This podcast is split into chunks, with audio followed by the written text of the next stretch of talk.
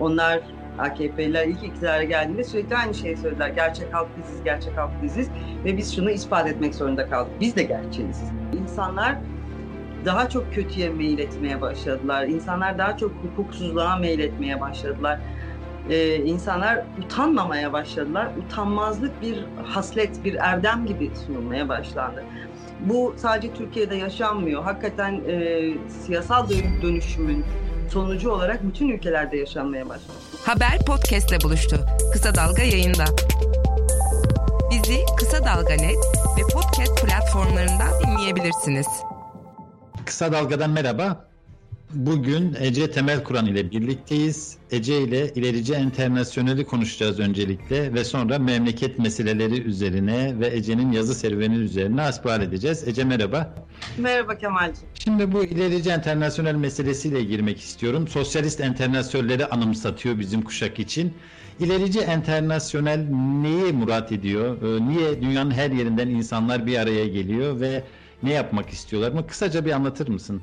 2000'lerin başında e, Dünya Sosyal Forumu vardı. E, benim kadar ihtiyar olanlar hatırlarlar. 2003'te Porto Alegre'de başlamıştı. Ben ona da gazeteci olarak katılmıştım. Daha sonra Hindistan'da olmuştu. Ona da gazeteci olarak katılmıştım. Dolayısıyla şöyle söyleyebilirim. E, orada başlayan, daha öncesinde Seattle'la başlayan e, dünyada yükselen bir muhalif hareket var. Ama bu e, bizim bildiğimiz eski internasyonelin döneminde olduğu gibi olduğu kadar örgütlü, o biçimde örgütlü, o büyük söylevlerle yola çıkan, büyük söylemlerle yola çıkan e, bir muhalif hareket değil. Daha dağınık, daha renkli, daha zengin, e, daha başka problemleri olan diyelim. E, başka bir ilerici hareket. Bu ilerici hareketin, e, bu dünyayı, kapitalizmi değiştirmek isteyen bu hareketin, e, aynı zamanda şimdi iklim sorunlarına da daha çok e, odaklanan bu hareketin uluslararası düzeyde örgütlenmesi için yapılmış bir girişim ilerici internasyonel. Ee, ilk toplantısı Eylül'de İzlanda'da olacak. İzlanda Başbakanı e, ev sahipliği yapacak. Ee, bu hareketin içinde e, benim gibi bu konuyla ilgili dünya nasıl değişmeli, nereye doğru değişmeli ve ne yapabiliriz konusuyla ilgili söz söyleyen yazarlar, e, sanatçılar da var bu grubun içinde. Aynı zamanda e, Latin Amerika'dan e, hükümetin içinde olan insanlar var. E, avukatlar var vesaire vesaire. 50 kişilik bir danış Türkiye'den Ertuğrul Türkçeoğlu da var. E, HDP Onursal Başkanı. E, böyle böyle bir 50 kişilik bütün dünyadan bu konuda söz söylemiş, sözünü duyurmuş insanların toplandığı bir e, danışma kurulu kuruldu. Sanırım bu Ece araya girdim ama Tabii. bu sanırım e, sosyalist enternasyonellerden farklı olarak ya da diğer enternasyonellerden farklı olarak bir e, kuruculuk iddiasında değil ama bir itiraz iddiasında daha çok öyle anlıyorum. Yani adının ilerici olması da daha geniş bir e, siyasi ve toplumsal yelpazeyi ifade ediyor sanırım. Bir de ilkelerine baktığımda işte toplumsal ekoloji, alternatif küresellik, küreselcilik, ekofeminizm var. Büyümeyi aşmak var, bir de kapitalizmi aşmak var. Şimdi bu tabii çok geniş bir perspektif. Hı hı. Kapitalizmi aşmaktan ne kastediliyor ve e, nasıl bir örgütlenme modeli öngörülüyor? Bunlar çok dev sorular. Birincisini söyleyeyim. Yani kapitalizmi aşmaktan ne kastediliyor? Ee, yani dünyaya bugün baktığımızda sanıyorum bu e, danışma kurulundaki 50 kişi de bunun üzerinde hemfikir olacaktır. E, ölmekte olan bir sistemin son çırpınışlarını görüyoruz ama e, bilirsiniz ki e, bir şeyler iyiye gitmeden önce hep daha kötüye gider. E, şimdi en kötü krizlerinden ve muhtemelen son krizlerinden bir tanesini yaşıyor kapitalizm ve dünya ister istemez başka bir sisteme geçecek, geçmek zorunda kalacak. Ya reform yaparak ya da bu sistemi yıkarak. E, bu sadece muhaliflerin söylediği bir şey değil. E, bundan birkaç yıl önce Davos toplantısında e, böyle gizli bir rapor da ortaya çıkmıştı. E, bu sistemin şanslı olanları, ayrıcalıklı olanları bile bu sistemin yürümeyeceğini söylüyorlardı o raporda. E, bu zaten sadece işte Porto Alegre'den ilerici internasyonale kadar e, devrimcilerin, ilericilerin, e, muhaliflerin konuştuğu bir konu değil. Bu sistemin sahiplerinin ve sistemin başında oturanların da konuştuğu bir konu. Herkes aslında şunun farkında. Kapitalizm bu haliyle işlemiyor bir. İkincisi e, dünya bu haliyle çok daha kısa yaşayacak. E, hatta kısa zamanda ölecek. Hem insan yok olacak hem hayvanlar hem doğa hem her şey yani. Dolayısıyla bir e, sona doğru amok koşucusu gibi koştuğumuzun e, aklı başında olan herkes farkında. E, ve bu ilerici internasyonelde tabii ki bu meseleye daha so, soldan bakan e, bir grup. E, bunun örgütlenme modelini söylemek için çok erken. E, fakat şunu söyleyebilirim ki belki de bu yapıyı bir çağrıcılar yapısı olarak görmek daha doğru. Çünkü şu anda hala dünyadan çeşitli siyasi örgütlerin, medya kuruluşlarının üye olmaya devam ettiği bir yapıdan bahsediyoruz.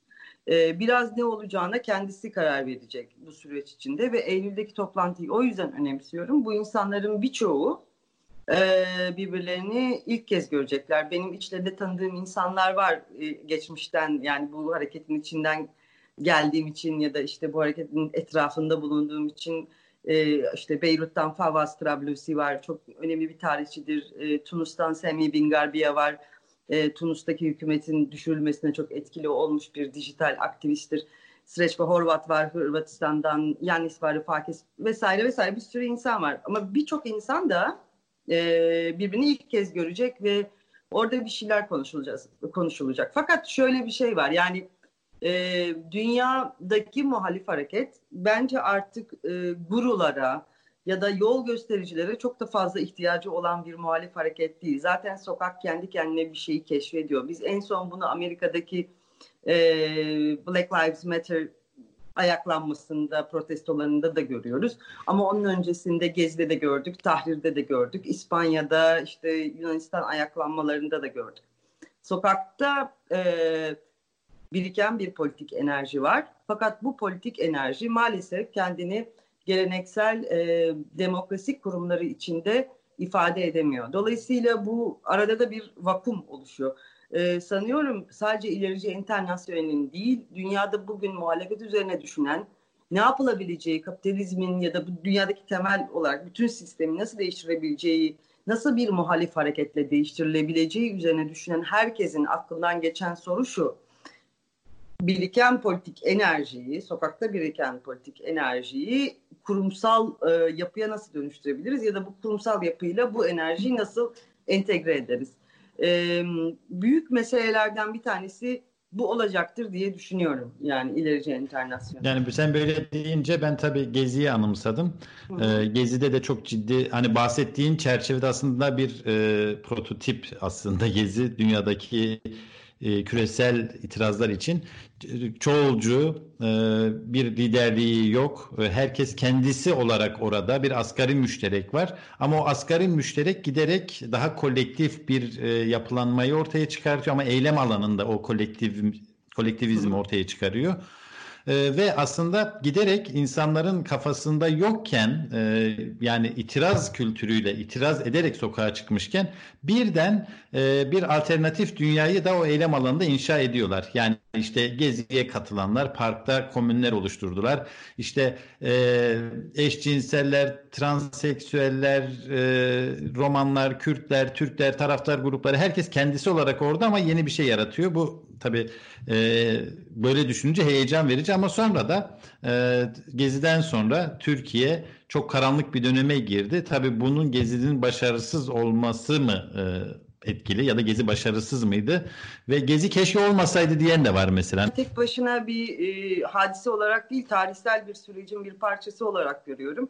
E, hakikaten ta 1990'ların sonunda Seattle'da başlayan, sonra Occupy hareketiyle devam eden, arkasından Tahrir'de başka türlü patlak veren, İspanya'da işte Yunanistan'da dediğim gibi e, devam eden bir hareketliliğin parçası olarak görüyorum Gezi'yi. Fakat bu hareketliliğin her ortaya çıktığında, e, her canlandığında yeni bir şey öğrendiğini ve bize yeni bir şey öğrettiğini de düşünüyorum. E, bu hareket her ortaya çıktığında kendini daha da geliştirdi. Çünkü e, örneğin Tahrir'de öyle komünler kurulabilecek olgunluğa erişmemişti ama Gezi'de artık o komünler kurulmaya başlamıştı. E, Gezi'den sonra olan şimdi Black Lives Matter'da insanlar mesela daha kurumsal bu e, o anda o an anda oluşan ve anlık olan dayanışma bağlarının nasıl kalıcılaştırılabileceğini konuşmaya başladılar. Dolayısıyla son 20 yıldır bu muhalif hareket aslında kendi kendine sokakta öğreniyor ve öğrendiğini de aktarıyor. Hem global düzeyde coğrafi olarak aktarıyor hem de ileriye doğru zaman içinde aktarıyor. E, Gezi çok önemli bir e, taştı çünkü e, senin dediğin gibi insanlar baskı altında olmalarına rağmen küçük bir alanda hayalini kurdukları bir hayatın minyatür bir örneğini oluşturdular. Dolayısıyla sadece bir şeylere hayır denmiyordu. Bizim hayatımız, istediğimiz hayat bu. Biz böyle yaşamak istiyoruz ve biz buyuz diye de insanlar olarak, insanlar fiziksel olarak e, gösterme imkanı buldular, imkanı yarattılar daha doğrusu. Bu bakımdan son derece önemli bir deneyim Gezi. Ee, e, ne kadar e, aydınların bir şey söylemesine ihtiyaç var? Doğrusunu istersen e, e, emin değilim. Ama sanıyorum e, bu e, tarihsel süreci görmek, e, anlamak e, ve açıklamak e, her zaman gerekli. Çünkü bu deneyimin de aktarılması, büyütülmesi, devam ettirilmesi gerektiğini düşünüyorum. Bizi Kısa Dalga Net ve podcast platformlarından dinleyebilirsiniz. İlerici deyince tabii bir de gerici var. Ergin Yıldızoğlu'nun Amerika'da e, ki bölünmeyi ilerici ve gerici olarak e, tarif eden bir yazısını okudum bugün. Hakikaten ama burada bu gericilik meselesinde tabii e, otoriter eğilimleri, popülist liderleri, milliyetçi ve ırkçı bir eğilimi ifade ediyor. Ama şu dikkat çekiyor bence. E, gerici dediğimiz kitle bir kere e, daha çok emekçilere dayanıyor alt sınıflara dayanıyor ve e, Trump örneğinde olduğu gibi kurulu sistemle de bir kavga veriyor görüntüsü var. Yani esasen neoliberal ve kapitalist politikaları savunuyor ve sonuna kadar öyle gidiyor ama beri yandan işte korumacı ekonomiyi gündeme getiriyor. işte Çin'le e, ticaret savaşlarını gündeme getiriyor vesaire. Bir yandan da şöyle bir risk e, yok mu sence de? Bunun karşısında statükonun yani e, işte CNN'idir, e, Hillary Clinton'ıdır, efendim e, Amerika'nın geleneksel e, statükosunu temsil eden kurumları çıkıyor. Dolayısıyla böyle ilerici ve gerici çatışmasında bir anda kendilerini e, bu kurumları savunurken yani aslında karşı çıktıkları bir kurumu savunurken buluyorlar. Türkiye'de de benzer bir şey yaşadık. Bu biraz daha böyle e, ilericilik gericilik tartışmasında e, ilericileri, başka bir dünya isteyenleri statikoya mahkum etmiyor mu biraz? Birazdan bahsedeceğiz zaten ama böyle de giriş yapabiliriz belki. How to lose a country bir, nasıl, bir ülke nasıl kaybedilir? Tam da e, bu ve bunun gibi kafa karıştırıcı e, hadiseler üzerine. Türkiye'de biz bir süreç yaşadık ve hakikaten o ilericilik ve gericilik nedir konusuna ilişkin e, içimizden en bilgili zannettiklerimizin bile kafası çok karıştı bir dönem hatırlarsın. E, bugün evet. son derece gerici olduğunu artık herkesin öğrendiği bir harekete ilericilik adına destek verdiler. Hem de çok canı gönülden destek verdiler. E, daha demokrat olduğunu düşündüler AKP'nin, e, AKP etrafındaki e, siyasal güçlerin vesaire e, bu gibi kafa karışıklıklarının Amerika'da, Avrupa'da yaşanmaması e, için ama daha önemlisi bu kafa karışıklığının, e, bu um, imal edilmiş kafa karışıklığının ma- gerisinde nasıl bir mantık olduğunu anlatmak için ben e, How to Lose a Country'yi yazdım. Bir ülke nasıl kaybedilir kitabını yazdım. Ee, şimdi bu bir kafa karışıklığı senin bahsettiğin ilericilik gericilik meselesi. Daha birçok e, mesele var. Örneğin en önemli meselelerden biri bence biz halkız, halkın gerçek sesiyiz meselesi. E, AKP de böyle e, iktidara geldi. E, Amerika'da, Avrupa'daki e, sağ popülist hareketler, otoriteryen hareketler de aynı diskurla, aynı söylemle e, hem gündeme geldiler, iktidara da o söylemle yürüdüler. E, How to Lose a Country'de böyle kafa karışıklıklarının kafa karışıklıklarını yaratan mekanizmanın nasıl çalıştığını anlatmaya çalıştım. Çünkü e, her ülkede aynı şekilde maalesef e, cevap veriyor bu imal edilmiş kafa karışıklığı. Şu anda Amerika'da da mesela Biden, Biden'ın etrafındaki e, kurumsallaşmış demokratlar, öyle diyelim, geleneksel demokratlar e, kendileri devletmişçesine devleti korumaya çalışıyorlar Trump'a karşı. E, aynı paradoksu Türkiye'de CHP yaşamıştı çok uzun bir dönem ve hala da yaşıyor bence bana sorarsan. Yani hala devlete bir payı olduğunu zanneden bir CHP ile karşılaşıyoruz ve devleti korumak adına muhalefetten e, imtina eden e, bir CHP oluyor. Halbuki farkına varılmıyor ki devletin sahibi artık değişti. E, Amerika'da da aynı şey yaşanıyor. Avrupa ülkelerinin bazılarında da aynı şey yaşanıyor. Sonuç olarak e, bütün bu kafa karışıklıkları imal edilmiş şeyler ve arkasındaki mantık e, bana çok açık görünüyor ve bunu yedi maddede anlatmaya çalıştım kitapta. Fakat daha yani bütün bu mantığın gerisinde duran şey ise 1980'lerde 70'lerin sonundan başlayarak 90'ların ortasına kadar neredeyse yaşadığımız, dünyaca yaşadığımız apolitikleştirilme süreciydi. Ee, başka bir seçenek yok dedi Margaret Thatcher 1980'lerde. Öbür tarafta Atlantik'in öbür tarafında Ronald Reagan'da evet başka bir seçenek yok dünyada ancak böyle yaşayabiliriz ve insanoğlu kapitalizmden başka hiçbir şeyle var olamaz. Kapitalizm bizim doğal durumumuz dediler ve bu her türlü insanları öldürerek, işkence ederek, sürgün ederek, işsiz bırakarak, susturarak falan filan bütün dünyada kabul ettirildi e, bu anlayış. Ve sonunda da hakikaten e, ortada bir yığın yığınlar var. E, hakikaten başka bir seçeneği yok insanlığın diye düşündükleri için güçlü gördükleri adama oy veren e, yığınlar. E, böyle apolitikleştirilmiş, zorla cahilleştirilmiş, zorla ideolojilerden habersiz bırakılmış e, yığınların Trump gibi, işte Or Macaristan'da Orban gibi e, veya İngiltere'de Boris Johnson gibi adamları seçmesi e, sadece tutarlı bir sonuçtur diye düşünüyorum. Hayata kulak ver. Kulağını sokağa aç. Haberi duy. Haber podcastle buluştu. Kısa Dalga Podcast. 7 ee, adımda demokrasiden diktatörlüğe diye e, bir alt başlığı da var. Bir ülke nasıl kaybedilir? E, geçen yıl çıktı senin kitabın ve e, İngilizce yayınlandı. Türkçe çevirisi henüz yok sanırım. Var mı? Türkçe çevirisi yok. Ee, sağ ol bu soruyu sorduğun için. Şunu bir söylemek istiyorum. Her, çünkü çok fazla soran oluyor bunu. Türkçe niye yok? Türkçe niye yok? Ve ben de hep şey demek istiyorum. Arkadaşlar ben istemez miyim olmasını? Hani şimdi 11-12 dile falan çevrildi bir yıl içinde. E, Türkçe'ye çevrilmedi ve tabii ki içim yanıyor bunu söylerken. Ama biliyorsunuz bir kitap çıkarken sadece yazarı sorumlu olmuyor e, ve başkalarının e, zorlanmasını çok uygun bulmuyorum. E, kitap Türkiye ile ilgili değil, başka ülkelerle ilgili. Türkiye'den yola çıkarak yazılmış bir kitap ama başka ülkelerle ilgili. Buna rağmen Türkiye'de yayınlanırsa birazcık e, can sıkıcı olabilir diye düşünüyorum bir sürü insan için. O yüzden e, maalesef yayınlanamıyor. Ben yayınlanmasını istememe rağmen. E, önümüzdeki zamanda inşallah yayınlanır diyeyim ama diğer dillerde yayınlandı. O yüzden son derece mutluyum kitapla ilgili. Yani. Çok hazin bir şey söyledin aslında evet, hani e, Türk yani e, dileriz ki e, kimse için kitap yazmanın, kitap basmanın ve okumanın sorun olmadığı bir memlekete kısa sürede kavuşuruz. Peki bu yedi adım nedir Ece? Yani e, sınav sorusu gibi oldu ama yedi adım e, bir özetleyebilir misin? Madem Türkçe basılamıyor ve okunmuyor, yedi adımı bir sıralar mısınız?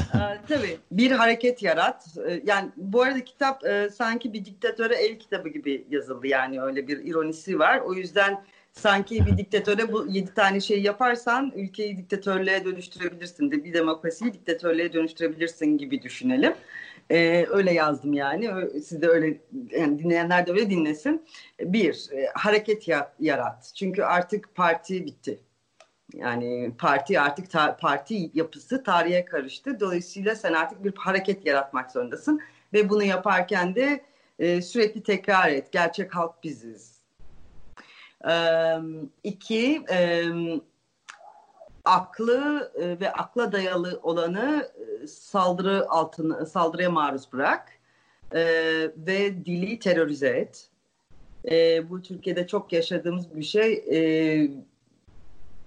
e, özellikle mesela şeyde gerçek halkız biz dedikten sonra içine düşürüldüğümüz eleştiren insanlar olarak içine düşürüldüğümüz bulmaca çok komikti. Onlar AKP'liler ilk iktidara geldiğinde sürekli aynı şeyi söylediler. Gerçek halk biziz, gerçek halk biziz ve biz şunu ispat etmek zorunda kaldık. Biz de gerçeğiz. Böyle saçma bir durumla karşı karşıya kaldık. Ve biz bunu 10 yıl yaşadık. Şimdi gülüyoruz ama bu e, ikircikli hali 10 yıl yaşadık ve şimdi bakınca bu e, mantığı çok bozuk olan bir şeymiş ve biz bunu 10 yılda yani bir sürü insan biz dediğim bir sürü insan da bununla ce, te, e, cebelleşmek zorunda kaldı. Dolayısıyla iki... Ece araya girip hemen bir not söyleyebilir miyim? Ya bu beyaz Türk kavramı da bunu çok besledi değil mi? Aa, yani tabii ki, tabii ki. Yani Elitist, onu e, her kim onu, her kim icat ettiyse Yani ama bu e, bunlar yeni buluşlar değil öyle söyleyeyim. E, muhalefeti e, disk, e, diskredit etmek için, e, degrade etmek için, itibarsızlaştırmak için bu tip şeyler tarih boyunca kullanılmış şeyler.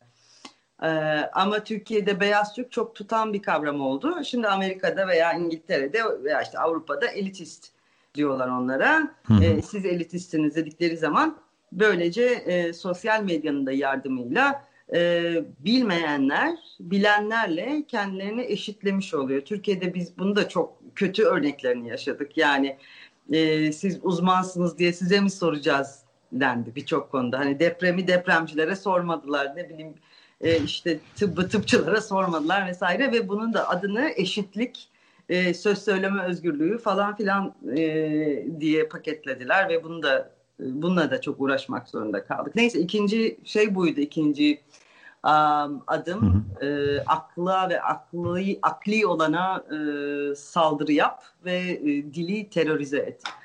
E, o bölümde Aristo ile bir popülist arasında çok güzel komik bir şey yazdım. Diyalog yazdım. O da çok komik. İngilizce okuyanlar varsa çok eğlenirler o diyalogla ve Türk televizyonlarında izledikleri birçok şeyi de hatırlarlar diye tahmin ediyorum.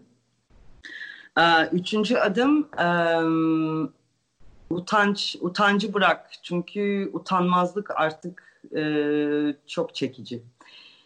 Şimdi bu, bu benim en önemsediğim bölümde kitapta çünkü e, sadece politik bir dönüşümden geçmiyoruz bu otoriter liderler ve otoriter dalga yüzünden aynı zamanda ahlaki bir e, çöküşten de geçiyoruz ve bu global bir şey. Türkiye'de biz çok ağır yaşadık bunu. O zaman çok ünlü olmuştu galiba 2010'da o lafı ettiğinde siz ne zaman bu kadar zalim oldunuz diye bir canlı yayında.